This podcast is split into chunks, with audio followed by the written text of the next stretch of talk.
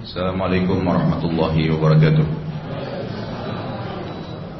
Alhamdulillah Nahmaduhu wa nasta'inu wa nasta'kfiruh Wa na'udhu billahi min syururi anfusina wa min sayi'ati amalina Man yahdihillahu falamudillalah wa yudlil falahadiyalah Wa ashadu an la ilaha illallah wahdahu la sharika la Wa ashadu anna muhammadan abduhu wa rasuluh Qala Allah ta'ala ya alladina amanu attaqullaha haqqa tuqatihi Wa la tamutunna illa wa antum muslimun وقال عز من قائل أيها الناس اتقوا ربكم الذي خلقكم من نفس واحدة وخلق منها زوجها وبث منهما رجالا كثيرا ونساء.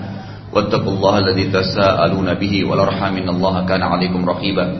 وقال عز وجل يا الذين آمنوا اتقوا الله وقولوا قولا سديدا يصلح لكم أعمالكم ويكفر لكم ذنوبكم. ومن يطع الله ورسوله فقد فاز فوزا عظيما. أما بعد فإن أصدق الحديث كتاب الله. وخير حدي حدي محمد صلى الله عليه وسلم وسلم وشر الأمور محدثاتها فإن كل محدث بدعة وبدعة ضلالة وإن ضلالة في النار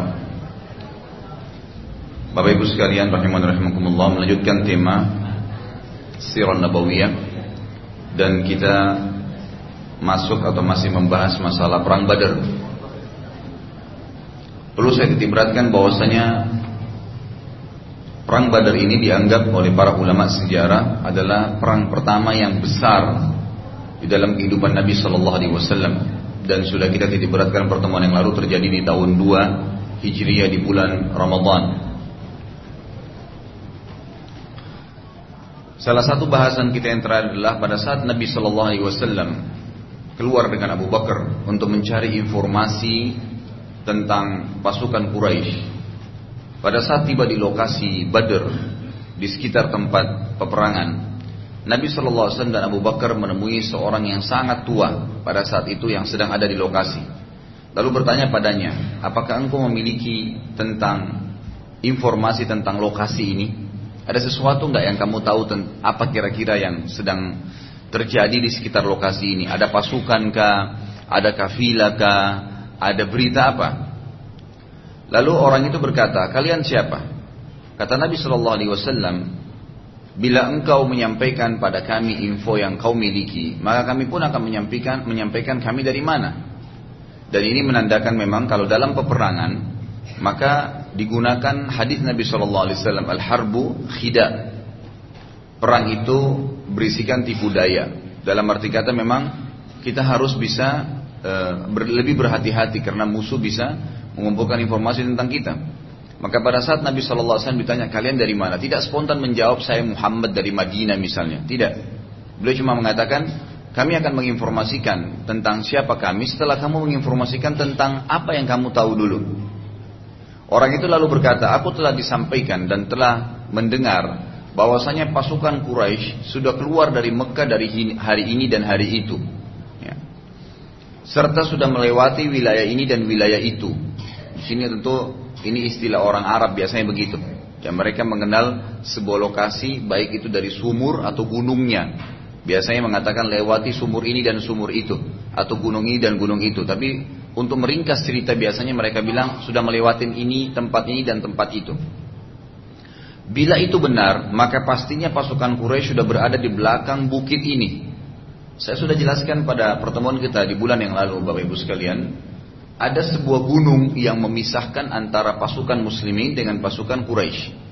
Dan subhanallah, dengan izin Allah tidak saling tahu satu sama yang lain. Gitu kan. Memang Allah subhanahu wa ta'ala telah mengatur Sampai sebagian ahli sejarah mengatakan perang Badar betul-betul murni ya. Allah Subhanahu wa taala mengatur strateginya terjadi. Ya, sebagaimana ayat yang sudah juga saya bacakan pertemuan yang lalu. Walau tawa'attum lakhtalaftum fil mi'adi walakin liyaqdi Allah amran kana maf'ula.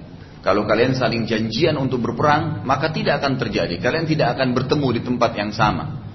Maka tadinya Nabi Wasallam 314 orang dari Madinah keluar hanya untuk menahan kafilah Abu Sufyan yang pada saat itu kafilah terbesarnya orang-orang Quraisy yang hanya dijaga oleh 40 orang saja. Ternyata kafilah tersebut berhasil lolos, tapi sebelum lolos Abu Sufyan sudah tahu bahwasanya Nabi Wasallam dan Muslimin akan keluar dari Madinah menyerang, dapat informasi, gitu kan? Dan Abu Sufyan memastikan kalau pasukan Nabi Shallallahu Alaihi Wasallam sudah ada di sekitar Badr, karena pada saat dia melihat ada kotoran unta, ya, masih ingat ya? Ingat tak? Ada kotoran unta yang akhirnya kotoran unta itu diperiksa oleh Abu Sufyan ternyata ada biji-biji kurma. Dan sudah saya bahasakan satu-satunya masyarakat yang memberikan makan unta mereka kurma itu cuma masyarakat Madinah karena mereka kaya sekali dengan kurma. Maka Abu Sufyan bisa tahu dari situ kotorannya bahwasanya pasukan muslimin sudah tiba di sini. Dia segera melarikan diri, ya, lari putar sangat jauh dari kota Madinah. Sementara sebelum dia mencek, ya, mendapatkan informasi itu, sempat dia mengirim surat ke Mekah dan orang-orang Mekah sudah berbentuk, pasukan sudah keluar, gitu kan, sudah keluar dan juga sudah mendekati wilayah Badar. Jadi subhanallah kalau dilihat pasukan Quraisy, eh, kafilah Quraisy Abu Sufyan itu jalan lurus aja dari gunung itu, dari tempat Badar sampai menuju ke Mekah, gitu kan. Pasukan Mekah, gitu kan, datang dari Mekah dengan arah yang hampir sama Abu Sufyan tapi dia tidak saling lihat. Pasukan Mekah tidak lihat Abu Sufyan, Abu Sufyan tidak lihat pasukan Mekah. Itu kan karena luasnya padang pasir. Nabi SAW sudah tiba di wilayah Badr. Sampai akhirnya kafilah selamat, itu kan. Kafilah Abu Sufyan, pasukan Quraisy datang di sebelah gunung yang bernama Utwatil Quswa. Kemudian Nabi SAW tiba di sebelah gunung yang dikenal dengan Udwatid Dunia. Ya, lebih dekat dengan kota Madinah. Dan kemudian orang ini berkata, telah sampai juga kepadaku berita, aku sudah mendengar bahwasanya Muhammad Orang ini tidak tahu kalau Nabi Alaihi Wasallam. Dia cuma bilang, saya juga mendapatkan informasi bahwa saya Muhammad telah keluar dari Madinah pada hari ini dan hari itu dan sudah melewati wilayah ini dan wilayah itu. Maka pastilah kalau betul mereka berada di udwati dunia. Di sebelah sini nih pasukannya Muhammad. Gitu kan. Nabi Wasallam lalu bertanya, bagaimana dengan kafilah Abu Sufyan? Orang itu menjawab, aku tidak tahu. Ini kata ulama Tadi katakan salah satu strategi yang Allah SWT murni atur dalam peperangan ini. Dan juga sudah saya titik beratkan pada pertemuan yang lalu. Bagaimana Nabi Shallallahu Alaihi Wasallam dengan pasukan pada saat tiba di wilayah Badr, sempat ada seorang sahabat yang berkata ya Rasulullah, apakah ini strategi perang? Karena beliau meletakkan pasukan di tempat yang terbuka. Maka berkatalah Nabi Shallallahu Alaihi Wasallam bukan. Eh, apakah ini wahyu? Nabi SAW mengatakan bukan. Ini cuma strategi perang dari saya. Maka sahabat ini berkata ya Rasulullah, lebih baik kita tidak di tengah-tengah lokasi ini karena sangat terbuka. Kalau saran kami dalam peperangan, kita mendatangi sebuah tempat yang ada tempat ya, gunung di belakang kita tempat bersandar dan ada sumur-sumur tempat air minum. Maka Nabi SAW pun setuju dengan itu. Nah tempat itu pun ya Nabi SAW sebelumnya belum tahu. Seperti Allah SWT memang menentukan tempat di Badar tadi. Kemudian juga pada malam sebelum peperangan sempat Nabi eh, Allah Subhanahu wa taala menurunkan hujan. Yang hujan itu di tempat orang-orang atau pasukan Quraisy hujan lebat sekali sampai membuat mereka semua basah kuyup, semua barang-barang mereka basah kuyup, gitu kan. Kuda mereka pada basah semuanya, tanah yang mereka harus injak padang pasir itu jadi becek sehingga membuat langkah mereka berat. Sementara di sebelah gunung, di tempat pasukan muslimin turun hujan gerimis, halus sekali hujannya. Saking halusnya hujan itu sampai membuat seluruh pasukan muslimin tertidur pada malam itu. Dan membuat tanah yang padang pasir tadinya, tanah padang pasir itu kalau kering Bapak Ibu sekalian, susah untuk diinjak, melangkah berat kaki. Kalau dalam kondisi dia lagi kering, kayak misalnya lagi gersang, lagi tidak ada hujan, memang di padang pasir jarang sekali hujan bisa dikatakan itu tidak basah, maka berat sekali kaki untuk melangkah. Atau sebaliknya, terlalu becek, maka susah sekali untuk melangkah. Maka dengan hujan gerimis yang sangat lembut membuat tanah padang pasir hanya tersentuhkan dengan air sedikit, langkah para sahabat jadi lebih cepat untuk nanti bisa berperang.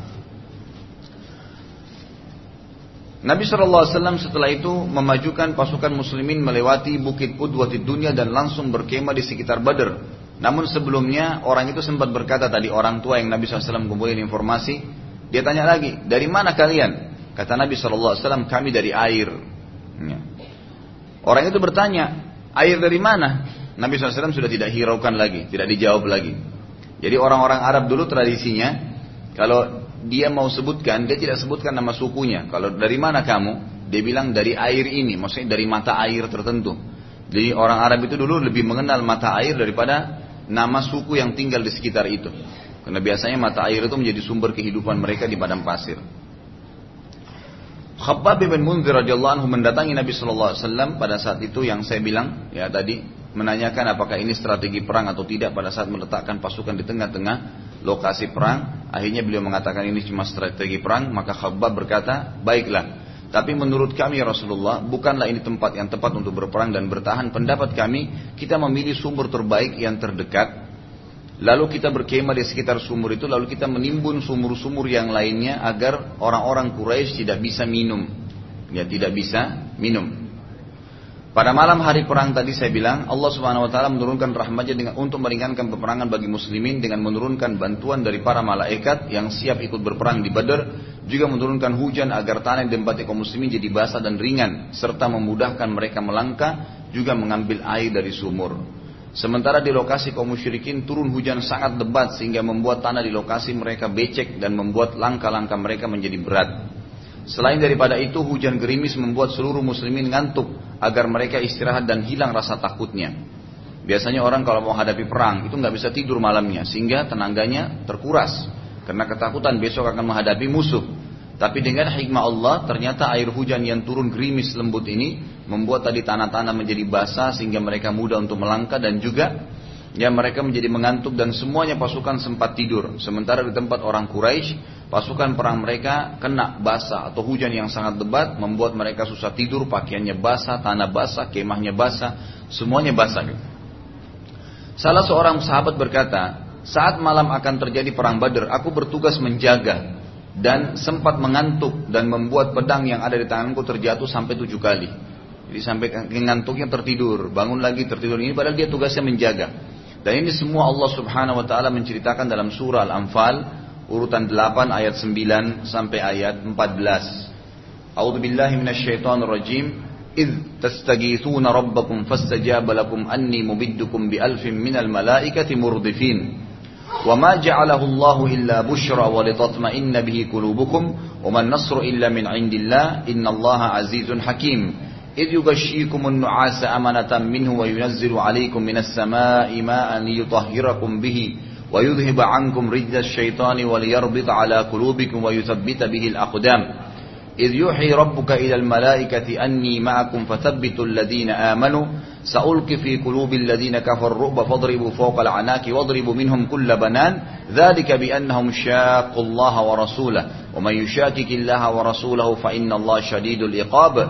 ذلكم فذوقوه وأن للكافرين عذاب النار.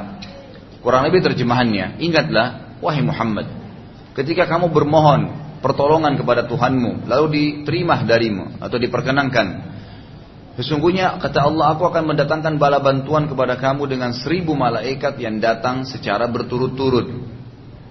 Dari ayat ini kita ambil pelajaran pertama dulu bahwasanya Allah Subhanahu wa taala memiliki tanda kutip tangan-tangan kanan yaitu para malaikat yang jumlahnya miliaran, triliunan mungkin, gitu kan. Tidak terbatas dan malaikat ini tidak melalui proses biologis untuk lahir, ya. Tidak ada perkawinan di antara malaikat. Malaikat itu Allah ciptakan dari cahaya, langsung menjalankan tugas dan langsung dengan poster tubuhnya yang sudah besar. Tidak melalui proses melahirkan dari rahim seorang perempuan. Makanya ulama mengatakan malaikat tidak bisa dikatakan laki-laki atau perempuan. Hikmah dari Allah Subhanahu wa taala. Allah ciptakan mereka begitu, mereka tidak punya hawa nafsu, mereka tidak menikah, mereka tiba-tiba diciptakan dalam kondisi besar dan langsung bertugas dan Allah Subhanahu wa taala pada saat memusnahkan pun dimusnahkan seketika, diciptakan dari cahaya, dimusnahkan pun langsung seketika dan tiap hari Allah Subhanahu wa taala menciptakan para malaikatnya. Sesuai dengan tafsir surah Ar-Rahman di mana Allah mengatakan pada saat ditanya yas'aluhu man fis samawati wal ard kullu yaumin huwa fi sya'n. Ini kurang lebih ayat keberapa ya? 17 menurut Ar-Rahman. Intinya adalah Ditanyakan kepada Muhammad tentang apa yang dikerjakan oleh Tuhanmu setiap hari, katakanlah dia tiap hari punya kegiatan. Di antaranya ulama tafsir mengatakan menciptakan malaikat yang terus menerus non-stop.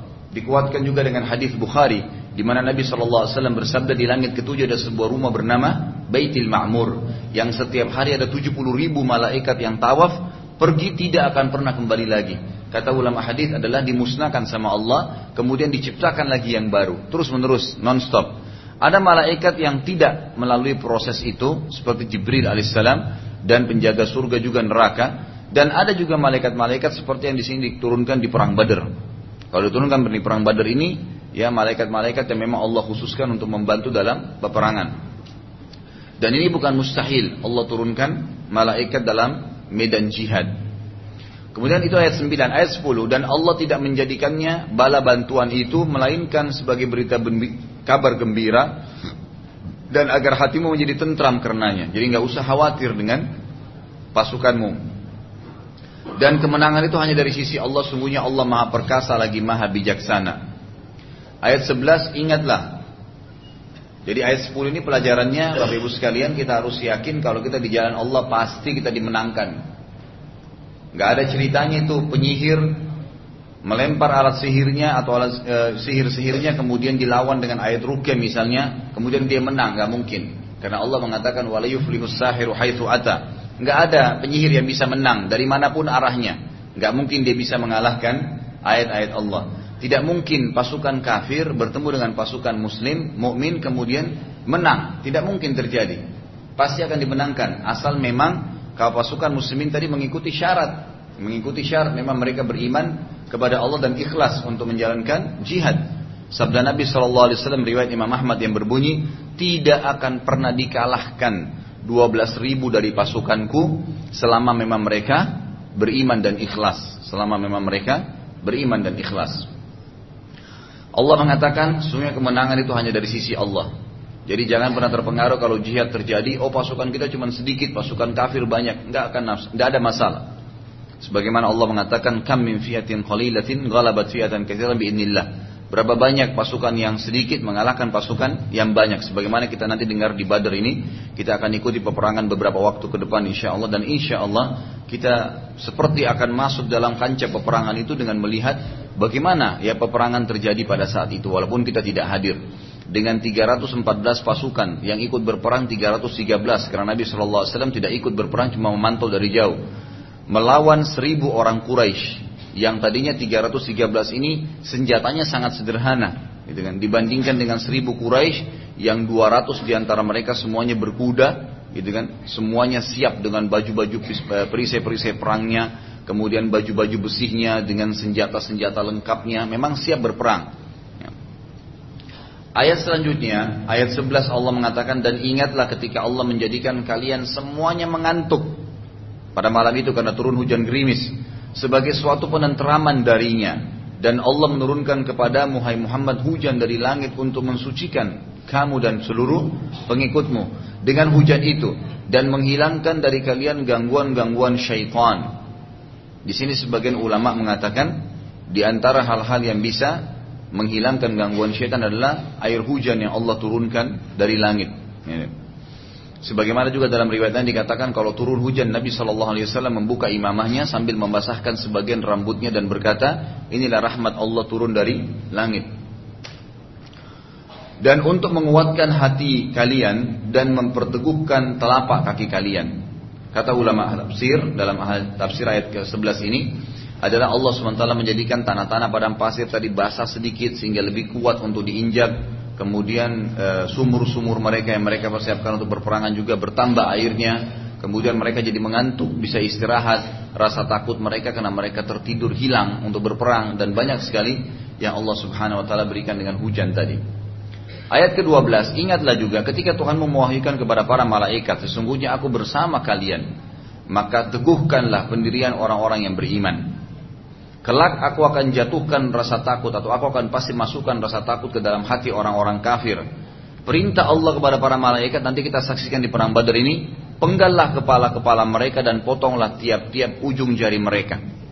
Nanti kita lihat di perang Badar, kata Nabi SAW setelah perang Badar selesai, kalau kalian ingin lihat mana korban kalian dan mana korbannya malaikat, maka lihatlah, pasti di leher yang terpenggal dari orang-orang kafir itu ada bekas luka bakar. Begitu pula jari-jari mereka terpotong, gitu kan? Ini perintah Allah untuk para malaikat. Tapi ini tidak berlaku untuk para sahabat. Karena wasiat Nabi Shallallahu Alaihi Wasallam kepada para sahabat pada saat akan berperang, jangan bunuh orang tua, jangan bunuh anak-anak, jangan bunuh perempuan, jangan bunuh orang menyerah, gitu kan? Kemudian juga jangan merusak fasilitas umum, tempat ibadah, ya membunuh hewan-hewan dan merusak tanaman. Itu wasiat Nabi SAW untuk pasukan perangnya. Maka memotong tangan itu adalah perintah Allah untuk para malaikat saja.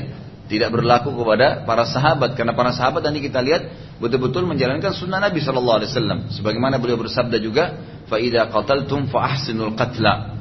Kalau kalian harus membunuh, membunuhlah dengan cara yang baik. Tusuk, selesai.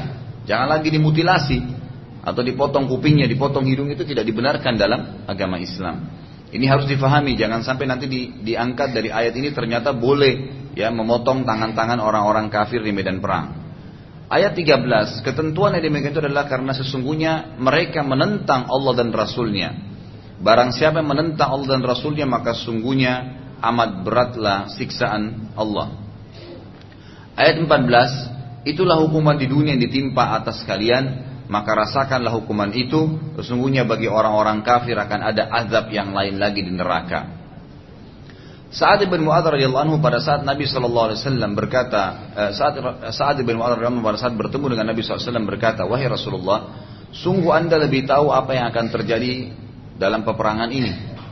Dan di Madinah terdapat saudara-saudara kami yang bukan tidak ingin ikut dan mendukung tetapi mereka tidak ikut karena mengira Anda hanya akan menghadang kafilah.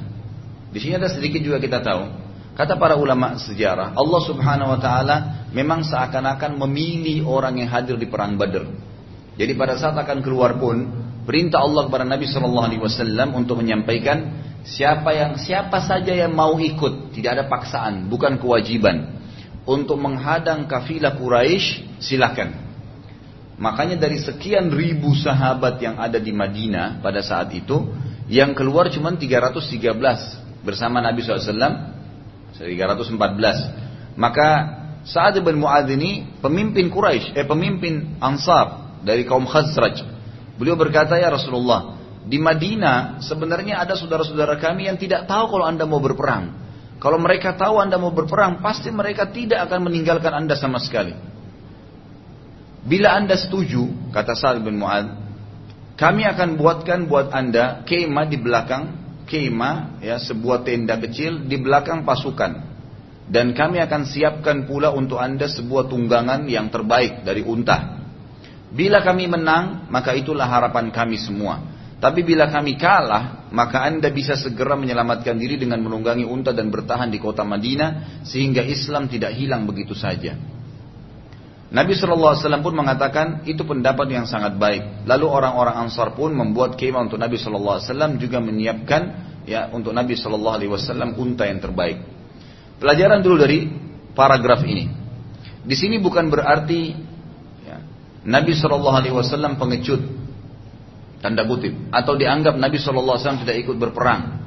Kita perlu tahu semua lika-liku ya, kemudian keputusan yang diambil oleh Nabi SAW yang berhubungan dengan bagian daripada syariat, maka tidak mungkin beliau ambil sendiri.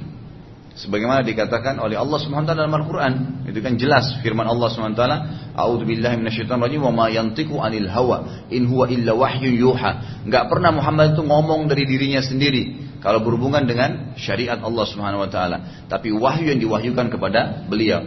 Jadi kenapa Nabi Shallallahu Alaihi Wasallam di sini tidak ikut di kancah peperangan? Karena perintahnya Allah begitu. Allah Subhanahu Wa Taala memerintahkan Nabi Shallallahu Alaihi Wasallam untuk tidak ikut di kancah peperangan. Dan pada saat disampaikan oleh Sa'ad bin Mu'ad radhiyallahu anhu, ya Rasulullah, kami siapkan anda kemah, anda tunggu tunggangan, nanti kalau kami kalah, anda boleh selamatkan diri ke Madinah. Memang itu juga perintah dari Allah Subhanahu Wa Taala. Jadi pada saat saat menyampaikan bukan cuma begitu saja Nabi SAW setuju, tapi karena Allah memang menyatakan memang kamu tidak ikut di kancah peperangan Hai Muhammad dan tinggal di kemah itu, gitu kan? Dan Nabi SAW nanti hanya akan mendoakan. Juga pelajaran yang lain saudaraku, Sa'ad bin Mu'adz radhiyallahu sebagai manusia biasa. Beliau sahabat, beliau ada kekhawatiran tentang Nabi SAW. Yang ini menandakan kita pun semua wajar kalau khawatir kita sakit, khawatir kita kalah, khawatir bangkrut kalau usaha, itu kekhawatiran manusiawi sekali. Yang penting tugas kita bagi orang yang beriman adalah ikhtiar, ikhlas dulu, kemudian kita ikhtiar maksimal selebihnya bertawakal kepada Allah. Itu senjata yang paling luar biasa. Ikhlas dalam mengamalkan, kemudian ikhtiar maksimal, coba maksimal, kemudian selebihnya bertawakal kepada Allah Subhanahu wa taala. Nabi SAW pada saat itu lalu membagi bendera-bendera perang. Ada bendera yang dipegang oleh Ali bin Abi Thalib anhu, bendera yang dipegang oleh Muadz bin uh, bin Umair, ya. Kemudian juga ada dipegang oleh sebagian orang-orang Ansar. Saat tiba pasukan Quraisy, mereka sempat bingung karena tidak ada sumur.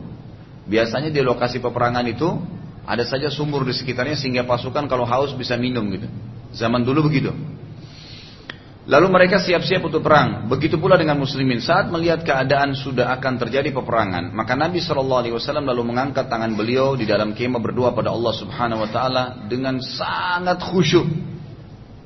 Sebagian buku sejarah mengatakan Nabi Shallallahu Alaihi Wasallam betul-betul menghadirkan seluruh hatinya, pikirannya dan kelihatan dari raut wajah beliau. Ya Allah menangkanlah. Ya. Dan pada saat itu tidak ada seorang pun bersama Nabi SAW di kemah kecuali Abu Bakar radhiyallahu anhu. Nabi SAW lalu menutupi wajah beliau dengan surbannya, dengan jubahnya, dan juga bertanya berdoa, Ya Allah, bila engkau membiarkan kekuatan ini, muslimin maksudnya musnah, dikalahkan oleh orang-orang kafir, maka tidak ada lagi yang tersisa di muka bumi yang akan menyembahmu. Kita ambil pelajaran dulu dari sini. Nabi Muhammad SAW dibiarkan oleh Allah sebagai manusia gitu kan? Meminta kepada Allah, minta memohon. Ini sudah nabi, udah jelas sebelumnya ada ayat yang turun, juga kita sudah kita bahas pada bulan yang lalu. Allah memberikan berita gembira bahwasanya kalau bukan menangkap kafilah, berhasil mengambil rampasan kafilah, dikembalikan kepada orang-orang muhajirin yang dicuri dirampok hartanya oleh Quraisy di Mekah pada saat hijrah ke Madinah atau mereka akan melawan pasukan Quraisy dan menang tapi Nabi SAW sebagai manusia, fitrahnya juga menghubungkan janji Allah itu dengan doanya. Dan ini sering kita lihat dalam kehidupan para nabi ya. Kita lihat Nabi Ibrahim dan Nabi Ismail AS juga sudah pernah kita bahas di awal-awal sirah. Pada saat mereka diperintahkan oleh Allah membangun Ka'bah. Setelah Ka'bah jadi pun, apa kata Nabi Ibrahim dan Nabi Ismail AS? Mereka mengatakan, Rabbana taqabbal minna innaka antas samiul alim. Ya Allah terimalah ini, upaya kami ini. Gitu kan? Sesungguhnya kau maha mendengar dan maha mengetahui. Berarti para nabi pun Bapak Ibu sekalian rahimahumullah tidak pernah lepas dari doanya. Tidak pernah lepas untuk terus berhubungan dengan Allah Subhanahu wa taala. Di sini Nabi SAW betul-betul ya mohon kepada Allah Subhanahu wa taala dan ini inti daripada doa. Kalau Bapak Ibu berdoa hanya sekedar seperti orang kumur-kumur, pastikan tidak diterima oleh Allah. Hatinya ghafil, hatinya nggak hadir, tidak akan diterima. Jadi kalau ada bapak ibu yang hadir di sini bilang Ustaz saya sudah 10 tahun berdoa minta disembuhin penyakit belum sembuh sembuh, ya koreksi dulu cara doanya. Kata Nabi Shallallahu Alaihi Wasallam, Udu'ullaha Udu'ullaha mukinuna bil ijabah. Berdoalah kalian kepada Allah dengan yakin Allah akan terima dengan hadirkan fikiran. Tentu kalau kita mau yakin Allah terima, kita hadirkan, sampaikan hajat kita Betul-betul kita sampaikan curhatnya, bahasanya, bahasa apa pun kita gunakan, tapi dengan kehadiran hati, pikiran, betul-betul berharap, gitu kan? Sesungguhnya Allah tidak akan menerima doa dari hati yang ghafil, hati yang lalai, hati yang lalai. Baik kembali kepada bahasan tadi, lalu Nabi Shallallahu Alaihi Wasallam terus berdoa, terus berdoa. Pada saat musuh sudah berhadapan nih, tinggal tunggu komando saja. Kalau Nabi takbir maka terjadi peperangan. Sampai Abu Bakar merasa iba melihat keadaan beliau sallallahu alaihi wasallam yang begitu prihatin terhadap sahabat-sahabatnya akan berperang. Lalu Abu Bakar berkata, "Wahai Rasulullah, kasihanilah diri Anda dan ringankanlah doa Anda. Sungguh Allah tidak akan menyusahkan Anda." Kan? Nabi sallallahu alaihi wasallam terdiam, tidak jawab, lalu beliau tetap saja berdoa. Tetap saja berdoa. Ada sedikit poin di sini yang saya susun Bapak Ibu sekalian, beberapa kejadian luar biasa di Badar sebelum peperangan. Yang pertama adalah kisah seorang sahabat mencium perut Nabi Shallallahu Alaihi Wasallam. Saat selesai dari sholat dan doanya, Nabi Shallallahu Alaihi Wasallam keluar dari kemah lalu mengatur sab para sahabat. Nabi Shallallahu Alaihi Wasallam ya tidak membagi-bagi pasukan, tetapi menyatukan semua bersatu. Jadi kelihatan pasukan itu 300 orang itu semua bersatu satu tempat. Terdapat sebuah kejadian kecil pada saat itu. Pada saat Nabi SAW sedang mengatur saf ya, mujahidin dan seseorang dari ansar yang kebetulan sangat gemuk sampai-sampai berdiri di saf tubuhnya keluar dari saf itu. Jadi saking besarnya sampai perutnya kelihatan melewatin teman-temannya yang lain. Gitu. Maka Nabi SAW memerintahkan untuk mundur agar lebih rapi dan rapat ke saf sambil menekan ujung tongkat beliau ke perutnya, ke perut sahabat, tapi pelan-pelan mundur kamu, gitu kan. Tiba-tiba saja sahabat tersebut berkata, wahai Rasulullah, anda telah menyakitiku. Maka aku ingin menuntut kisos. Ya. Jadi sahabat ini kesannya minta, sebagaimana anda tusuk perut saya tadi tekan, saya juga mau tusuk perut anda. ini di kancah peperangan, gitu kan. Ada apa denganmu para sahabat lain berkata, ini Rasulullah. Rasulullah cuma ngatur. Orang itu bilang tidak. Tetap saya minta kisos. Maka Nabi SAW pun lalu membuka baju beliau, tersingkap sedikit. Kemudian kebab sahabat itu tadinya ada baju tersingkap. Lalu memberikan tongkat beliau mengatakan lakukanlah. Yang terjadi Bapak Ibu sekalian pada saat melihat kejadian tersebut sahabat tadi yang besar badannya itu tiba-tiba loncat memeluk, memeluk Nabi lalu mencium perut beliau. Nabi SAW bertanya, apa yang kamu lakukan? Dia bilang, wahai Rasulullah, coba perhatikan bagaimana cintanya para sahabat ya. Kenapa sahabat ini tadi bilang begitu, ya Rasulullah saya mau kisos. Ini nggak muncul di benaknya orang yang mau berperang. Gitu kan. Tapi muncul, bayangkan bagaimana bisa ada di benaknya. Dia bilang apa? Sungguh telah nyata di depan kita semua ada peperangan yang akan terjadi. Dan mungkin aku akan mati. Sekarang peperangan ini bisa aku terbunuh setiap saat. Maka walaupun aku mati, maka aku berharap akhir yang menyentuh kulitku adalah kulit anda. Sallallahu alaihi wasallam. Jadi ini kejadian memang sederhana tapi membuat menarik perhatian para ulama sejarah, gitu kan? Memang luar biasa gitu bagaimana diambil pelajaran dari paragraf ini juga bahwasanya para sahabat sangat mencintai Nabi SAW dan mereka betul-betul menyentuh kulit Nabi pun sebuah perihal yang sangat besar bagi mereka, gitu kan? Berharap ya Rasulullah sebelum saya meninggal yang menyahit yang lain yang terakhir menyentuh kulit saya adalah kulit anda gitu.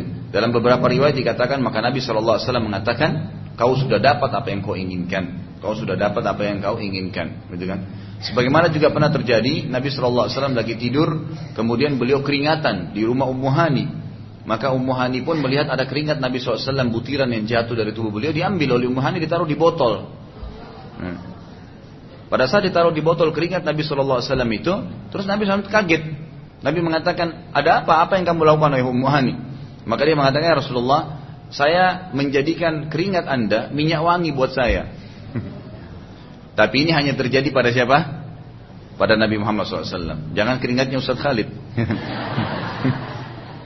ini hanya keringatnya Nabi SAW. Tidak ada keringatnya kiai, nggak ada keringatnya Habib, nggak ada keringatnya siapa pun yang bisa dilakukan seperti ini. Ini hanya Nabi Shallallahu Alaihi Wasallam, gitu kan? Karena beliau seorang Nabi, jadi nggak mungkin lagi terjadi sekarang. Baik. Setelah kejadian tadi, maka tradisi orang Arab ada yang terjadi yang kedua sebelum peperangan berkecamuk, ada namanya mubarazah.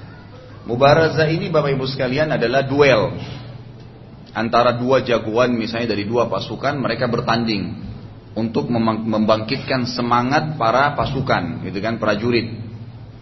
Perang diawali dengan Bubaraza, perang tanding secara individu dan awal yang keluar dari pasukan Quraisy adalah Aswad bin Abi Aswad dari pasukan Quraisy ya. Ia maju depan pasukan muslimin dan bersumpah kalau tidak akan kembali ke pasukannya sampai ia meminum dari sumur muslimin.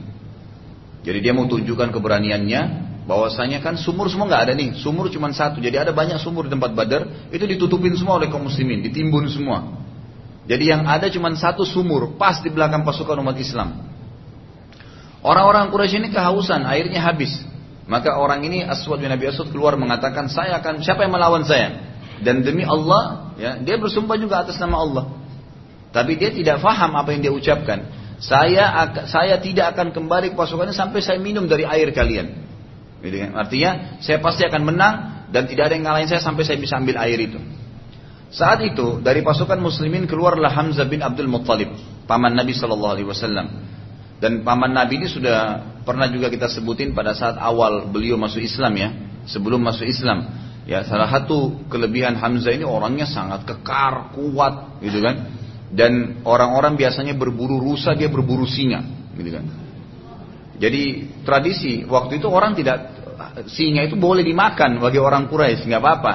Nah orang-orang biasa berburu rusa, kelinci, gitu kan. Dia berburu singa. Dan singa itu suka dibawa, dipikul sama dia di punggungnya masuk ke kota Mekah. Jadi orang Mekah sudah tahu kalau Hamzah itu. Maka beliau sangat terkenal dengan kekuatannya. Lalu terjadilah duel yang sangat sengit hingga akhirnya Hamzah radhiyallahu berhasil menebas salah satu kaki Aswad yang mengucurkan darah cukup banyak. Pada saat itu Aswad sudah nggak berdaya lagi karena darahnya terus mengucur. Lalu ia berusaha merangkak menuju ke sumur muslimin dan minum darinya agar ia memenuhi sumpahnya. Jadi sambil merangkak terus dan muslimin biarin aja. Dia sampai tiba di sumur, diambil air sedikit, lalu kemudian dia minum. Gitu kan? Untuk memenuhi sumpahnya lalu ia dibunuh oleh Hamzah di kisah sumur dan Aswad adalah korban pertama di perang Badr. Kemudian keluarlah tiga orang sekaligus dari Quraisy setelah itu terbunuh satu pertama tadi ya. Sekarang tiga orang keluar. Mereka adalah pimpinan-pimpinan Quraisy. Utbah bin Rabi'ah. Utbah bin Rabi'ah ini salah satu kepala suku, salah satu kepala suku. Kemudian ada Al Walid bin Utbah, anaknya dia, kan. Kemudian Syaibah bin Rabi'ah, saudara Utbah. Mereka berkata, siapa yang mau tanding? Bapak Ibu kalau tahu, Abu Sufyan tahu ya, istrinya bernama siapa yang tahu? Hindun. Hindun ini ya istrinya Abu Sufyan. Nanti di pembebasan kota Mekah, kalau kita bahas insya Allah perang nanti pembebasan kota Mekah, Hindun dan Abu Sufyan nanti masuk Islam. Nah Hindun ini adalah anaknya Utbah. Jadi ini ayahnya Hindun nih, mertuanya Abu Sufyan. Itu kan? Al-Walid, anaknya Utbah berarti saudara kandungnya Hindun. Kemudian Syaibah bin Rabi'ah, ini saudaranya Utbah, jadi pamannya Hindun. Jadi yang keluar ini sekarang adalah ayah kandungnya, ya Hindun, kakaknya, laki-laki dan pamannya, saudara kandung ayahnya. Nanti ini yang kita kita titik beratkan di sini kenapa? Karena di perang Uhud nanti pada saat Hamzah terbunuh, ini yang membuat Hindun nanti sangat marah, gitu kan? Dan dia berusaha untuk membunuh Hamzah dengan budaknya. Ya, nanti akan kita bahas di perang Uhud itu. Tapi intinya seperti itu. Keluarlah tiga orang ini untuk menantang, ya, untuk menantang kaum muslimin. Pada saat itu keluar dari kaum muslimin tiga orang pula dari Ansar, semuanya Ansar nih. Muadz bin Afra, Auf bin Afra dan Abdullah bin Rawaha. Muadz bin Afra dan Auf bin Afra ini saudara kandung, adik kakak, gitu kan? Dan Abdullah bin Rawaha ini juga yang kita nanti akan titik beratkan. Beliau adalah salah satu syuhada yang terbunuh di perang Mu'tah. Nanti pada saat melawan eh, orang-orang Romawi. Utbah lalu berkata, siapa kalian? Ketiga muslimin itu lalu menyebutkan nasabnya. Jadi tradisi orang pada saat itu ya. Kalau sudah berhadapan dan mereka memang karena tertutup dengan baju-baju besi yang kelihatan cuma matanya, biasa tidak saling kenal. Jadi walaupun di luar medan perang mereka saling kenal, ini di medan perang tidak kenal lagi. Makanya ditanya siapa kalian? Lalu disebutlah nasabnya. Saya Fulan bin Fulan bin Fulan dari orang Madinah misalnya. Utbah lalu berkata ya kepada mereka, siapa kalian? Maka mereka menyebutkan nasab mereka. Utbah berkata, sungguh kalian dari turunan terhormat karena Utbah tahu ini orang-orang pimpinan-pimpinan dari Ansar di Madinah. Tetapi kami ingin berhadapan dengan anak-anak suku kami sendiri. Lalu Utbah berkata, wahai Muhammad, teriak dari dengan suara keras. Kami ingin berhadapan dengan anak-anak kaum kami sendiri dan keluarkanlah yang sepadan dengan kami. Maksudnya setara dengan kami dari Quraisy. Jadi yang sudah masuk Islam, tetapi memang sederajat dengan kami di mata suku kami, gitu kan? Di Quraisy di Mekah. Jadi bukan di sini bahasanya bukan dari kalangan budak yang masuk Islam. Memang betul-betul orang-orang suku Quraisy. Nabi SAW lalu berkata, berdirilah wahai Ubaidah. Ubaidah ini adalah sepupu Nabi Shallallahu Alaihi Wasallam, sepupu langsung Nabi. Jadi kita bisa dari sini Nabi SAW waktu ditantang begitu, beliau tidak tunjuk orang lain, beliau tunjuk dari kerabatnya sendiri karena Utbah sangat tahu suku yang sangat dimuliakan dan dihormati di Mekah adalah suku Hashim, suku Nabi Shallallahu Alaihi Wasallam. Itu betul-betul tidak disaingi di Mekah gitu, karena mereka dulu yang mengurus ya eh, apa namanya Ka'bah, mereka mengurus memberikan makan dan minum jemaah haji. Dulu di awal-awal kita bahas sirah ada Abdul Manaf dan uh, uh, ada ada dua ya. Dari keturunan kakek Nabi Shallallahu Alaihi Wasallam itu yang akhirnya turun yang satunya memegang uh, pintu Ka'bah. Itulah suku Abdul Manaf dan ada suku Abdiddar yang mengurus untuk memberikan minum jemaah haji gitu kan. Jadi ini dua suku hanya turunlah terus sampai ada Bani Hashim dan ada Nabi Shallallahu Alaihi Wasallam. Nabi menunjuk Ubaidah sepupu beliau Kemudian meminta kepada Hamzah mengatakan berdirilah wahai Ubaidah, berdirilah wahai Hamzah dan juga mengatakan kepada Ali yang merupakan ya sepupu beliau juga mengatakan wahai Ali berdirilah. Tiga orang ini disuruh hadapin tugu tiga pimpinan Quraisy tadi. Ubaidah bin Harith bin Abdul Muttalib adalah misanan Nabi Shallallahu Alaihi Wasallam. Jadi Ubaidah tadi Nabi tunjukin nama ayahnya Harith. Harith ini adalah paman kandungnya Nabi. Ya, jadi anak Abdul Muttalib yang pertama itu bernama Harith. Anaknya adalah Ubaidah ini. Hamzah bin Abdul Muttalib adalah paman Nabi Wasallam. Sementara Ali bin Abi Thalib sudah tahu adalah anaknya Abi Thalib, paman juga kandung Nabi Wasallam. Nabi SAW memilih yang terbaik dan sepadan secara nasab dengan Utbah dan anaknya serta saudara kandungnya dan mereka dari kerabat langsung Nabi Wasallam. Jadi Utbah memilih Utbah memilih adik kandungnya tadi Syaibah dengan anaknya sendiri Al Walid dipanggil berhadap. Nabi SAW menunjuk pamannya beliau sendiri dan kedua sepupunya. Utbah lalu berkata pada saat berhadapan siapa kalian maka ketika sahabat ini berkata kami Fulan bin Fulan diperkenalkanlah dirinya. Lalu Utbah berkata iya kalian adalah orang-orang yang sepadan buat kami. Gitu kan? Yang pertama maju adalah Utbah melawan Ubaidah radhiyallahu anhu, Hamzah melawan Syaibah dan Ali melawan Al-Walid, ya. Jadi Utbah yang pimpinannya tadi yang menantang untuk duel ini dilawan oleh Ubaidah. Kemudian Hamzah melawan Syaibah, saudara kandungnya dia, dan Ali melawan Al-Walid, anaknya Utbah. Ali radhiyallahu anhu hanya dengan beberapa gerakan saya sudah berhasil membunuh Al-Walid. Begitu pula menyusul Hamzah radhiyallahu anhu juga berhasil membunuh Syaibah. Tinggal Ubaidah dan Utbah yang saling memukul satu sama yang lain sehingga keduanya terjatuh. Tetapi belum mati. Maka Hamzah dan Ali mendekati Utbah dan membunuhnya. Lalu mereka berdua memikul Ubaidah ke pasukan muslimin. Dan selang beberapa saat saja Ubaidah akhirnya mati syahid karena pukulan tersebut. Dan Ubaidah radhiyallahu anhu ini adalah sahabat yang pertama mati syahid di dalam perang Badar. Dan nanti kita juga akan jelaskan di akhir nanti bahasan masalah perang Badar bahwasanya perang Badar ini seperti saya bilang, orang-orang yang hadir itu dipilih oleh Allah Subhanahu karena khusus orang yang sempat hadir di Badar, sempat ikut perang, itu Allah berfirman pada mereka kekal dalam Al-Qur'an, "I'malu ma syi'tum faqad ghafarallahu lakum." Berbuatlah apa pun yang kalian suka, gitu kan? Sesungguhnya Allah sudah ampuni dosa kalian. Jadi orang-orang ahli Badar itu, subhanallah, setelah habis Badar pun kalau mereka yang penting tidak murtad, berbuat dosa apa saja setelah Badar Allah maafkan.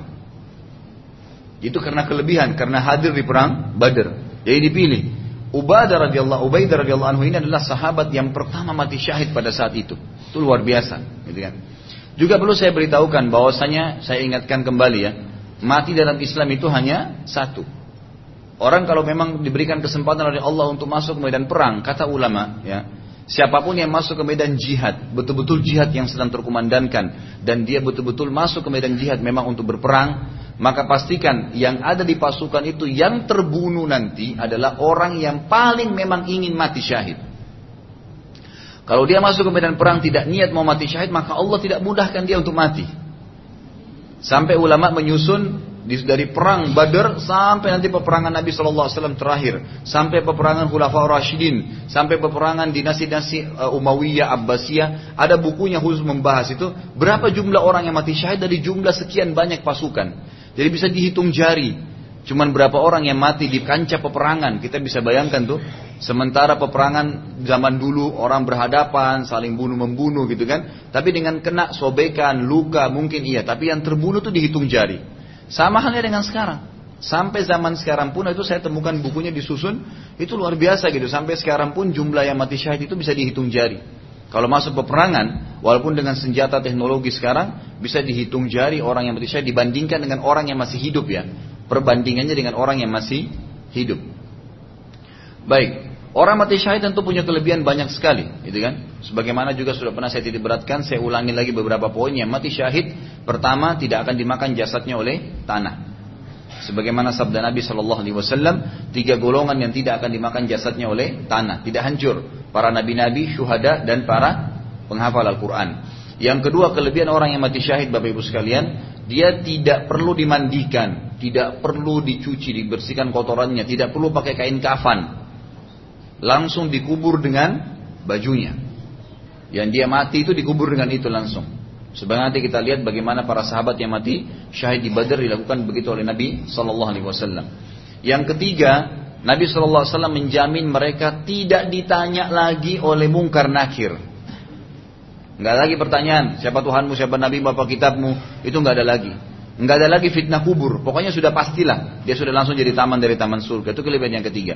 Kelebihan yang keempat, mereka akan dibangkitkan di mahsyar nanti. Pada hari kiamat. Dalam kondisi tubuhnya yang luka mengeluarkan darah. Tetap netesin darah. Gitu kan. Dengan izin Allah. Dan darah itu mengeluarkan bau yang sangat wangi. Sampai baunya sama dengan bau kasturi. Yang orang di sekitar itu tahu kalau orang ini mati syahid. Yang keempat. ya Yang kelima. Mereka tidak ada hisap Nggak ada hisap lagi. Nggak ada timbang lagi amalnya. Udah selesai. Karena sabda Nabi SAW, orang yang mati syahid diampuni semua dosanya. Semua dosanya. Kecuali hutangnya. Ya, jadi kalau hutang masih tergantung, maka hutang berbeda. Tapi selain daripada itu semua dibersihkan. Dosa besar, dosa kecil dengan mati syahid semua diampuni. Dan ada hadis lain mengatakan, kalau dia terbunuh syahid di air, maka diampuni dosanya walaupun termasuk utangnya. Gitu kan? Kalau terbunuh di dalam air, jadi peperangan di lautan. Jadi di sini juga kita lihat nanti ada tingkatan-tingkatan orang mati syahid mati di darat beda dengan mati di air. Begitu pula kalau orang berperang melawan ahli kitab dengan melawan orang-orang lain. Kalau kita berperang melawan Yahudi, melawan Nasrani itu pahala syahadanya dua. Pahala mati syahidnya double. Sementara orang kalau dibunuh dengan orang selain ahli kitab, maka pahala syahadanya atau mati syahidnya satu. Ya, sebagaimana Nabi SAW sabdakan. Kemudian kelebihan yang keberapa? Yang keenam, ya e, mereka akan masuk ke dalam surga tanpa hisap. Gitu ya. Dari tanpa hisap jadi ini tidak dihisap lagi amalnya dan masuk surga lagi tanpa hisap, gitu kan? Jadi masuk surga dari awal-awal golongan yang masuk surga. Kemudian yang ketujuh mereka menempati surga Firdaus. Surga yang tertinggi, pintu ke-8 derajat ke-100 yang memang dihuni oleh empat golongan saja. Para nabi-nabi, syuhada, siddiqin dan orang-orang yang saleh. Gitu kan? Kemudian yang luar biasa adalah dia bisa memberikan syafaat 70 keluarganya. Jadi 70 keluarganya selama keluarganya itu nggak punya indikasi kekufuran, ya, maka bisa ditunjuk sama dia. Ini ikut sama saya, ikut sama saya, langsung ikut sama dia 70 orang. Ya, 70 orang masuk surga tanpa hisap gitu kan. Kemudian kelebihan yang selanjutnya adalah mereka pada saat sudah meninggal di dunia pun ruhnya itu akan dibawa ya di, uh, di pelatuk burung gitu kan disebutkan seperti itu dalam hadis yang akan membawa ruh itu terbang di sekitar surga melihat istananya di surga. Jadi nggak ada sama sekali rasa takut bagi orang yang mati syahid. Dia hanya menghadapi satu proses. Tunggu musuh menusuknya dia mati, gitu kan. Sementara sudah saya bahasakan tadi di awal juga saya titik beratkan sekarang bahwasanya mati dalam Islam cuma satu Bapak Ibu sekalian. Orang yang ditabrak kereta api kepalanya hancur, orang yang dimakan ikan, orang yang diterkam hewan ganas di hutan, semua itu orang yang kena bom meledak, semua itu nggak ada masalah buat orang yang mati. Karena mereka hanya merasakan satu sakaratil maut. Malaikat datang mencabut ruhnya. Jadi walaupun orang itu di tengah-tengah musuh, ditusukin, sudah mati, sudah dicabut ruhnya, nggak ada rasanya. nggak ada masalah buat dia. Makanya kata Nabi Shallallahu Alaihi Wasallam, orang yang mati syahid tidak merasakan kecuali sakaratil maut yang itu pun hanya seperti gigitan semut saja, gitu kan? Sebentar selesai setelah itu. Maka semua fadilah tadi bisa didapatkan oleh dia. Baik, akhirnya terbunuhlah tiga korban tadi. Orang-orang Quraisy. Utbah sama saudaranya Syaibah dan anaknya Walid. Quraisy melihat hal tersebut tidak mau lagi bertanding karena mereka terpukul dengan terbunuhnya tiga orang sekaligus dari pimpinan mereka. Quraisy lalu siap-siap untuk menyerang. Melihat keadaan tersebut maka Nabi SAW lalu memerintahkan suatu perintah yang pada saat itu dianggap aneh ya bagi pasukan muslimin dan pasukan orang-orang Quraisy. Tapi ini salah satu strategi perang Nabi Shallallahu Alaihi Wasallam yang sangat jitu. Beliau Shallallahu Alaihi Wasallam berkata, turun turunlah kalian dari tunggangan kalian semua dan duduklah di tanah serta lindungi diri kalian dari anak-anak panah dengan baju-baju besi dan perisai kalian. Quraisy pada saat itu, waktu melihat kejadian tadi, semua pasukan duduk di tanah.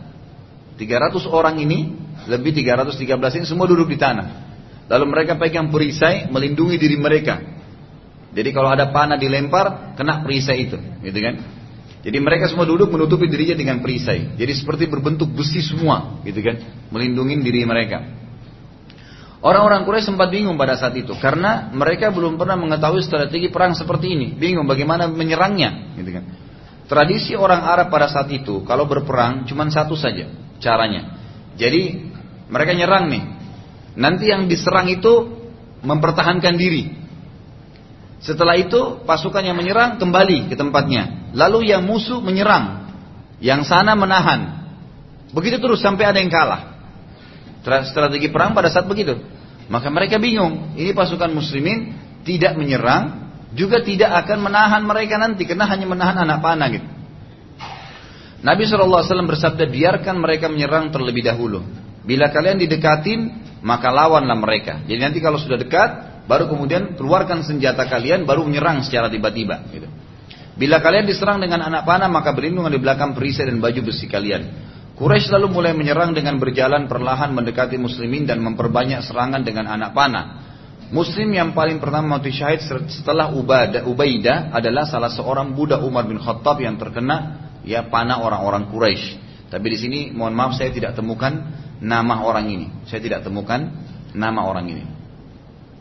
Baik, ada kisah yang lain berhubungan juga dengan peperangan. Ini sebelum eh, apa namanya kancah peperangan terjadi ribut ya bertemunya dua pasukan gitu. Ada kisah Harithah bin Suraka radhiyallahu anhu, seorang sahabat lagi. Terdapat ya, lalu e, pada saat itu ya, sementara anak panah banyak diserang lempar oleh orang-orang Quraisy. Terdapat sebuah anak panah yang tidak jelas. Orang-orang tidak tahu ini dari kaum muslimin atau dari orang-orang kafir Quraisy. Karena Nabi SAW bilang kalau mereka sudah menyerang dan mereka mendekat barulah kalian menyerang. Sempat atau orang-orang Quraisy sudah mendekat, anak-anak panah mereka sudah banyak yang tertancap di perisai-perisai. Ada sebagian muslimin yang melepaskan juga anak panahnya ke arah orang-orang Quraisy, gitu kan? Karena sudah mendekat. Maka ada sebuah anak panah yang sempat mengenai seseorang yang bernama Haritha bin Suraka radhiyallahu anhu. Dan akhirnya dia terburu dengan anak panah itu. Tapi karena banyaknya anak panah yang sedang ya di atas udara yang akhirnya kena di pasukan Quraisy, kena di pasukan muslimin, gitu kan? Maka bingung, ini ini panah dari pasukan Islam yang kena dia atau dari pasukan orang Quraisy. Setelah selesai perang Badar, ibunya, Ibu Haritha radhiyallahu datang kepada Nabi wasallam untuk memastikan keadaan anaknya. Apakah mati syahid karena kena panah dari orang Quraisy atau terbunuh dari tangan muslimin yang tidak sengaja? Dan itu pun kalau memang betul apakah dia terbunuh juga syahid dianggap kena dikancang peperangan. Ibu Haritha berkata wahai Rasulullah sampaikan kepadaku bagaimana dengan keadaan anakku Haritha. Mintalah petunjuk kepada Allah. Apakah dia mati syahid dan di surga sekarang? Kalau dia betul-betul sudah di surga maka aku akan bersabar dan bersyukur kepada Allah. Bila selain itu maksudnya jangan sampai dia matinya bukan syahid sehingga dianggap dia masuk ke neraka kah atau ada masalah dalam hidupnya maka pasti Allah akan melihat apa perilakuku. Maksudnya ini orang Arab biasa bilang Allah akan lihat perilakuku. Maksudnya nanti saya akan buat perbuatan yang membuat Allah tahu kalau saya sedang sedih. Maksudnya dia akan menangis terus, dia akan rengek, dia akan menyesal dan seterusnya. Lalu Nabi SAW mendapatkan informasi dari langit yang luar biasa. Kata Nabi SAW, Allah menyampaikan, gitu kan? Ada apa dengan wahai Ummu Harithah? Apakah engkau sudah gila mengira bahwasanya anakmu itu tidak mati syahid? Sungguh dia telah mendapatkan bukan cuma satu surga, tapi kedelapan pintu surga anakmu Haritha mendapatkan di setiap tingkatan pintu itu ada istana. Dan anakmu betul-betul mati syahid. Saat mendengarkan perkataan Nabi Shallallahu Alaihi Wasallam maka Ummu Haritha pun pulang ke rumahnya dengan wajah berseri-seri. Kita bisa lihat di sini pelajaran yang pertama dari paragraf ini, ibu sekalian bahwasanya target para sahabat itu memang mati syahid. Dan semua pasukan muslimin kalau masuk di medan perang, itu targetnya bukan pulang. Jadi memang mereka sudah ingin meninggal dunia supaya mendapatkan fadilah mati syahid. Inilah perbedaan dasar antara pasukan muslimin dengan pasukan orang-orang kafir. Orang kafir berharap mereka bisa pulang, tidak lumpuh, tidak cacat, tidak mati kalau perlu dan pulang membawa uang atau penghargaan yang dikasih. Kalau para mujahidin, kalau mereka pulang tidak mati syahid, malah mereka sedih. Malah mereka sedih. Tidak butuh penghargaan, tidak butuh bintang, tidak butuh ya pujian. Mereka membutuhkan mati syahid itu. Kemudian kita bisa lihat juga di sini bagaimana seorang ibu yang mukminah, Ummu Harithah radhiyallahu anha. Beliau bukannya menangis dengan matinya anaknya, gitu kan? Karena kematiannya bukan. Malah beliau datangi Nabi SAW dan menanyakan ya Rasulullah, anak saya ini beritahukan mati syahid atau tidak. Kalau dia mati syahid Allah sampaikan maka saya akan bersabar dan bersyukur. Udah Alhamdulillah kalau gitu. Bayangin ibunya bersyukur kalau anaknya mati. Ini karena ibunya sangat paham orang yang mati syahid juga bisa memberikan perlindungan untuk ya ibunya sendiri. Dan ingat Bapak Ibu sekalian sebuah poin penting. Kalau ajal kita sudah datang, pada detik itu tetap kita akan mati. Kita di kancang peperangan kah, kita lagi di ranjang kah, kita lagi makan kah, lagi setir mobil kah, lagi di rumah sakit kah, lagi ziarah teman kah, lagi bermain kah, lagi berdagang kah, pokoknya kalau sudah detik yang saatnya kita meninggal kita akan mati. Makanya pada saat kita tahu kita akan mati, toh juga pada saat itu, maka Allah menuntun kita untuk bisa mati yang terbaik yaitu mati syahid. Saking pentingnya untuk berharap mati syahid ini sampai kata Nabi Wasallam dalam hadis Sahih, "Man talaba syahadata bisidq, ballagahu Allahu manazil syuhada wa in mata ala firashi." Siapa yang minta kepada Allah dengan tulus, ya Allah mudah-mudahan pada saat saya mati ini saya mati syahid ya Allah. Terus minta kepada Allah dengan tulus, maka Allah akan memberikan dia kedudukan orang mati syahid walaupun dia mati di atas ranjangnya. Jadi kita disuruh memang minta tutup dengan itu, gitu kan? Kita minta minta tutup hidup kita dengan mati syahid. Dan juga sudah pernah saya tidak beratkan kan, mati syahid itu bisa yang paling tinggi mati di medan perang.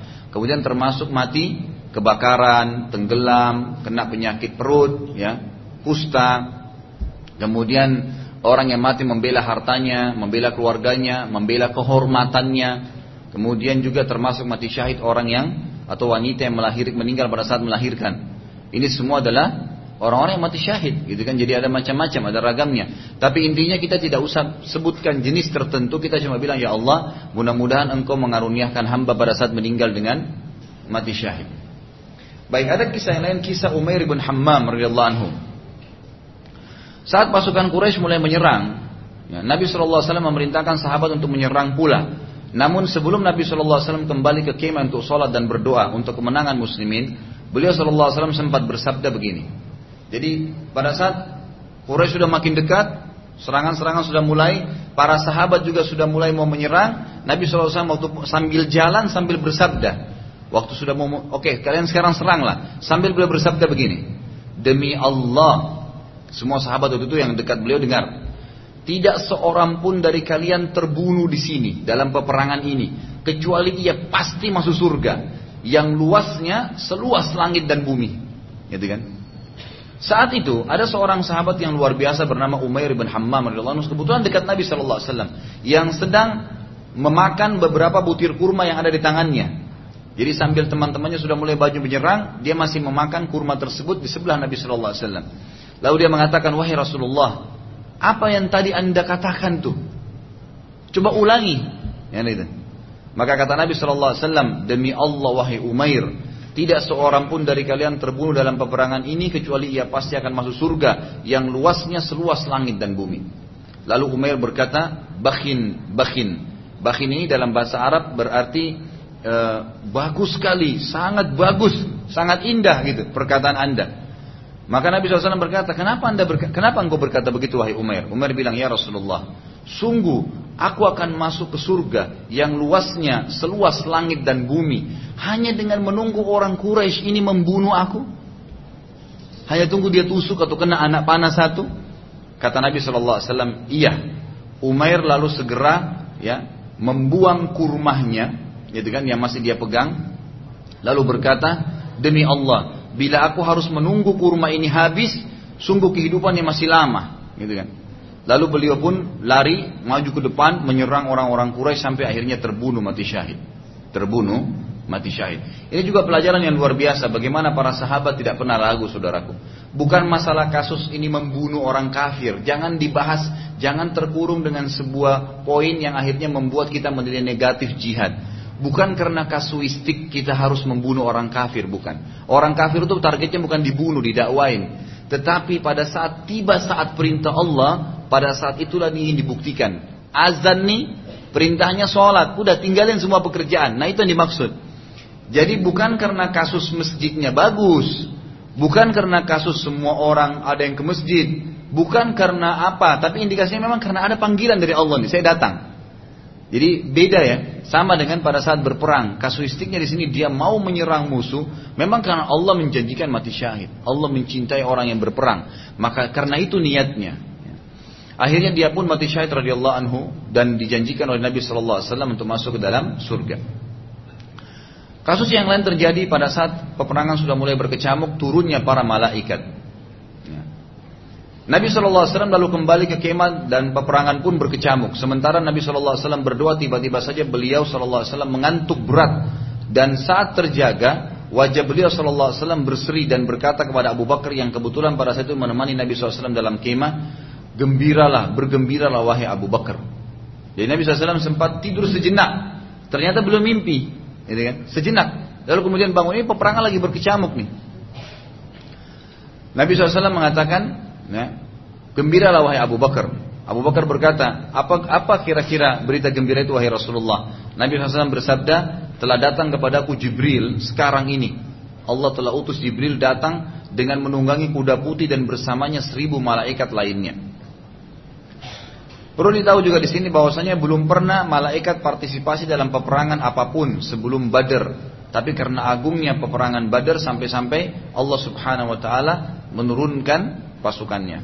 Lalu Nabi Shallallahu Alaihi Wasallam keluar dari kemah beliau dan menggenggam tanah. Perhatikan ini perilaku Nabi Shallallahu Alaihi Wasallam, bukan sembarangan orang. Nabi SAW menggenggam tanah, kemudian melemparnya ke arah pasukan sambil berkata, ya, sungguh terhina wajah-wajah kalian wahai musuh Allah. Beberapa sahabat yang pada saat itu masih kafir, nanti jadi sahabat ya, di perang Badar sempat ikut dengan pasukan Quraisy. Apa dia bilang? Demi Allah, tidak seorang pun dari kami kecuali matanya kena tanah yang dilempar oleh Nabi Shallallahu Alaihi Wasallam. Jadi tanah yang dilempar itu ke arah Quraisy, semua seribu orang itu kena semua matanya pasir itu.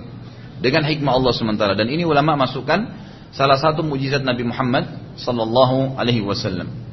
Pelemparan tanah tersebut disebutkan oleh Allah dalam surah Al-Anfal. Urutan 8 ayat 17 sampai 18 yang Allah mengatakan a'udzubillahi minasyaitonirrajim falam taqtuluhum walakinallaha qatalahum wa ma ramaita id ramaita walakinallaha rama waliyubliyal mu'minina minhu bala'an hasana innallaha sami'un alim dzalikum wa annallaha muhinu kaidil kafirin maka yang sebenarnya bukan kamu yang membunuh mereka hai Muhammad akan tetapi Allah lah yang membunuh mereka dan bukan pula kamu yang melempar ketika kamu melempar tanah itu.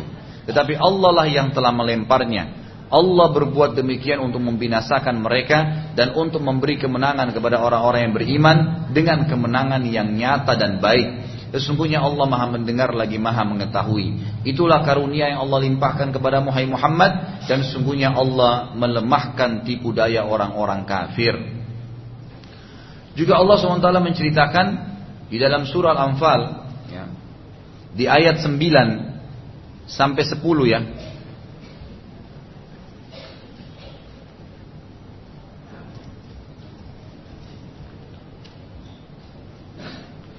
أعوذ بالله من الشيطان الرجيم بسم الله الرحمن الرحيم إذ تستغيثون ربكم فاستجاب لكم أني ممدكم بألف من الملائكة مردفين وما جعله الله إلا بشرى ولتطمئن به قلوبكم وما النصر إلا من عند الله إن الله عزيز حكيم Ingatlah ketika kamu memohon pertolongan kepada Tuhan Muhammad Muhammad lalu diperkenankan bagimu sungguhnya aku akan mendatangkan bala bantuan kepada kamu dengan seribu malaikat yang berturut-turut turun. Sebagian ulama mengatakan turunnya berturut-turut sekian jumlahnya kemudian datang lagi sekian datang lagi sekian sampai totalnya seribu.